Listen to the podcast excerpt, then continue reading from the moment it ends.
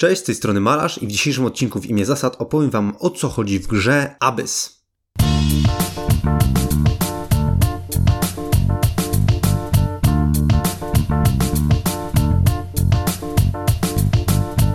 Abyss to rywalizacyjna gra karciana od 2 do 4 graczy, chociaż we, według społeczności Board Geek najlepiej działa na 4 osoby.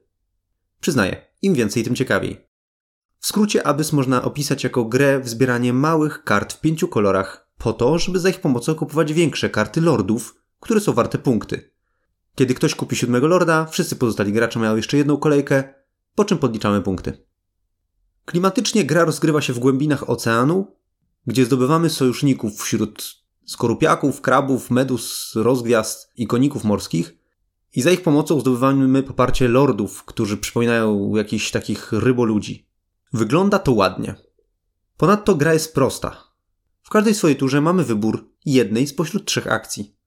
Pierwszą z nich jest eksploracja głębin, co oznacza, że bierzemy talię małych kart eksploracji, wyciągamy jedną z nich, po czym każdy z naszych przeciwników, zgodnie z ruchem wskazówek zegara, deklaruje, czy chce ją od nas kupić. Wiecie, ona jeszcze nie jest nasza, ale mogą nam za nią zapłacić. Jeżeli ktoś się na to zdecyduje, płaci nam perłę. Perła to jest taka waluta w tej grze. Do czego one służą, jeszcze wrócimy. Jeżeli nikt nie kupił takie karty, to ja, jako osoba wykładająca, mogę zdecydować się, że ją wezmę. Jeżeli to zrobię, kończy się moja tura. Jeżeli nikt nie chce karty, wyciągam kolejną. W sumie na torze jest 5 miejsc, więc jest szansa na to, że trafi się w końcu jakaś ciekawa karta dla mnie, albo że kilka osób zapłaci mi za możliwość kupienia ich. A zasada jest taka, że w danej eksploracji jeden z moich przeciwników może tylko raz kupić ode mnie kartę, natomiast każda kolejna karta, którą mam komuś sprzedać w danej eksploracji, jest warta o jedną perłę więcej. Czyli pierwszy gracz, który się zgłosi, że chce jakąś kartę, płaci mi jedną perłę. Następna karta, którą ktoś będzie chciał, będzie kosztowała innego gracza dwie perły, a ostatnia, jeżeli ostatni gracz również będzie chętny na którąś z kart, aż trzy perły. W zasadzie akcja ta ma dwa zastosowania. Po pierwsze to, żeby zdobyć jakąś ciekawą kartę, no ale wiecie, te najlepsze będą wykupywane przez naszych przeciwników, bo to oni, zgodnie z ruchem wskazówek zegara ode mnie, mają pierwszeństwo. Ale drugim zastosowaniem jest to, żeby zarobić od współgraczy trochę pereł. Ponadto, jeżeli dojdę do samego końca tury eksploracji, to zbierając ostatnią kartę wyłożoną, dodatkowo biorę sobie jeszcze jedną perłę z banku. Wszyscy sojusznicy, którzy na koniec mojej tury znajdowali się na torze, a nie zostali przez nikogo kupieni, lądują w radzie, która jest poniżej. Rada to jest taki obszar na planszy, gdzie jest miejsce na pięć talii. Fioletową, czerwoną, żółtą, zieloną i niebieską. I po prostu te karty, które podczas eksploracji głębin nie zostaną przez nikogo wybrane, którymi wszyscy pogardzą, są po prostu rozdzielane na konkretne kolory po czym są zakrywane i lądują w odpowiednich dla siebie stosach. Żeby zdobywać karty, niekoniecznie trzeba robić akcję eksploracji głębin. Można zrobić akcję drugą, czyli poproszenie o wsparcie rady. Wykonując tę akcję, wybieramy jeden z pięciu kolorowych stosów, które są w obszarze rady i zabieramy wszystkie te śmieciowe karty, które się tam zebrały. Trzecią i ostatnią akcją jest wydanie kart z ręki, żeby kupić lorda.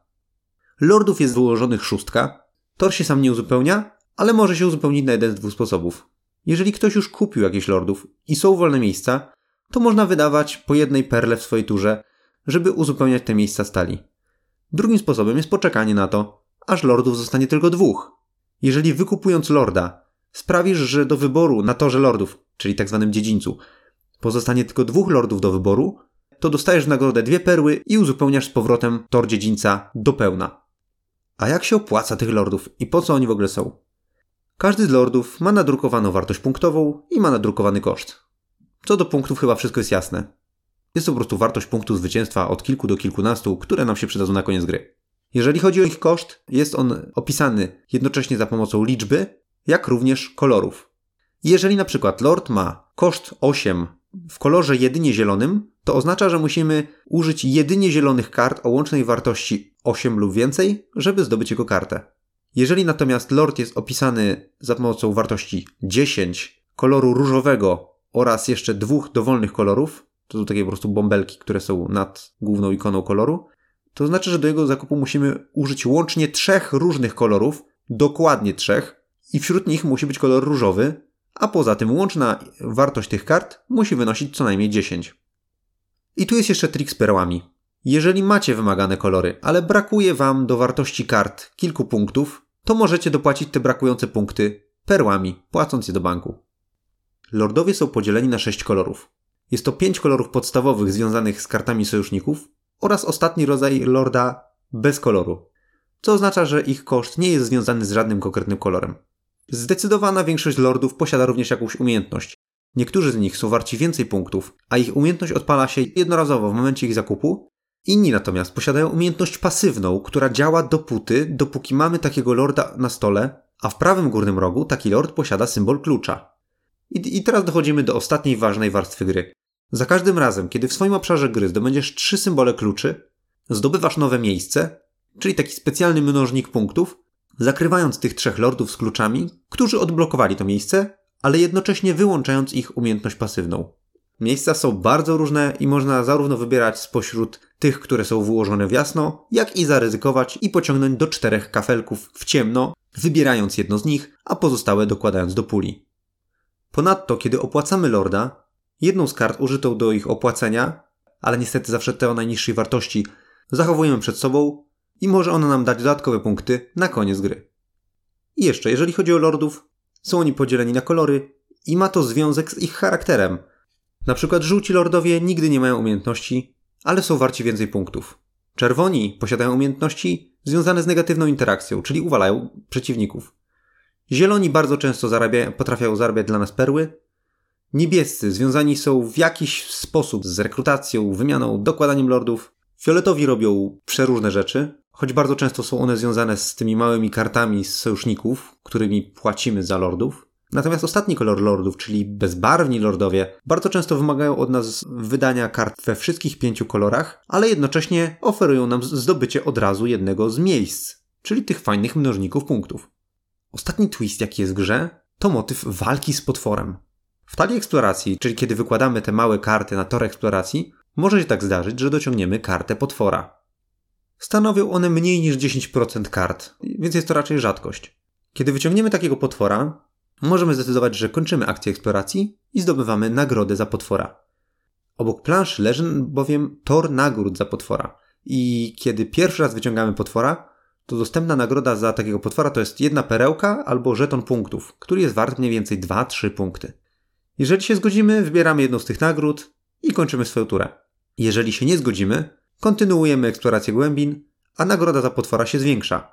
Na następnym etapie będą to dwie perły lub dwa żetony punktów, na kolejnym będzie to klucz, tak po prostu, taki klucz jaki jest na kartach lordów i będzie on po prostu stanowił jeden z trzech kluczy do zdobycia nowego miejsca. A dalej są jeszcze trzy kolejne etapy, które coraz bardziej podbijają stawkę walki z tym potworem.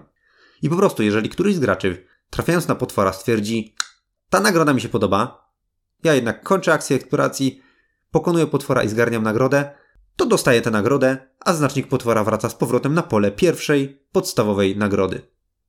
Może się więc oczywiście zdarzyć tak, że jeden z graczy nie będzie chciał przyjąć pierwszej nagrody, a inny na tym skorzysta i zgarnie nagrodę z drugiego poziomu. Albowiem to, kto trafi na następnego potwora i zgarnie tę lepszą nagrodę, jest po prostu kwestią szczęścia, któremu oczywiście można pomagać, wykonując częściej akcje eksploracji. Na koniec gry, czyli w momencie, kiedy któryś z graczy wykupi siódmego lorda, a pozostali gracze wykonają jeszcze swoją ostatnią kolejkę, dochodzi jeszcze do ostatniego małego kroku przed podliczeniem punktów. Każdy z graczy pokazuje swoją rękę i z każdego koloru kart, które są tam obecne, wybiera najgorszą i dogrywa do swoich zagranych sojuszników. Resztę kart odrzuca. Na koniec gry bowiem każdy z graczy sprawdza najsilniejszego sojusznika z każdego leżącego przed nim koloru i tacy sojusznicy doliczają się do jego punktów końcowych. Talia eksploracji składa się z kart o wartościach od 1 do 5, przy czym te najwyższe wartości są raczej rzadkością. Na przykład piątka w każdym kolorze występuje tylko raz. Warto więc zachować na ręce karty czwórek czy piątek, o ile nie mamy słabszych kart w tym kolorze, tylko po to, żeby wyłożyć ich w tym ostatnim kroku na stół i zarobić kilka dodatkowych punktów.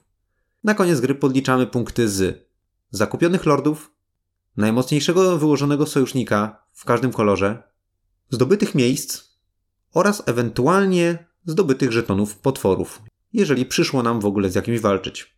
Punkty się sumuje, zwycięzca się wyłania, a grę się składa lub przygotowuje do następnej rozgrywki. Jeżeli jesteście ciekawi, co sądzimy o tej grze, serdecznie zapraszam do naszej recenzji. Cześć!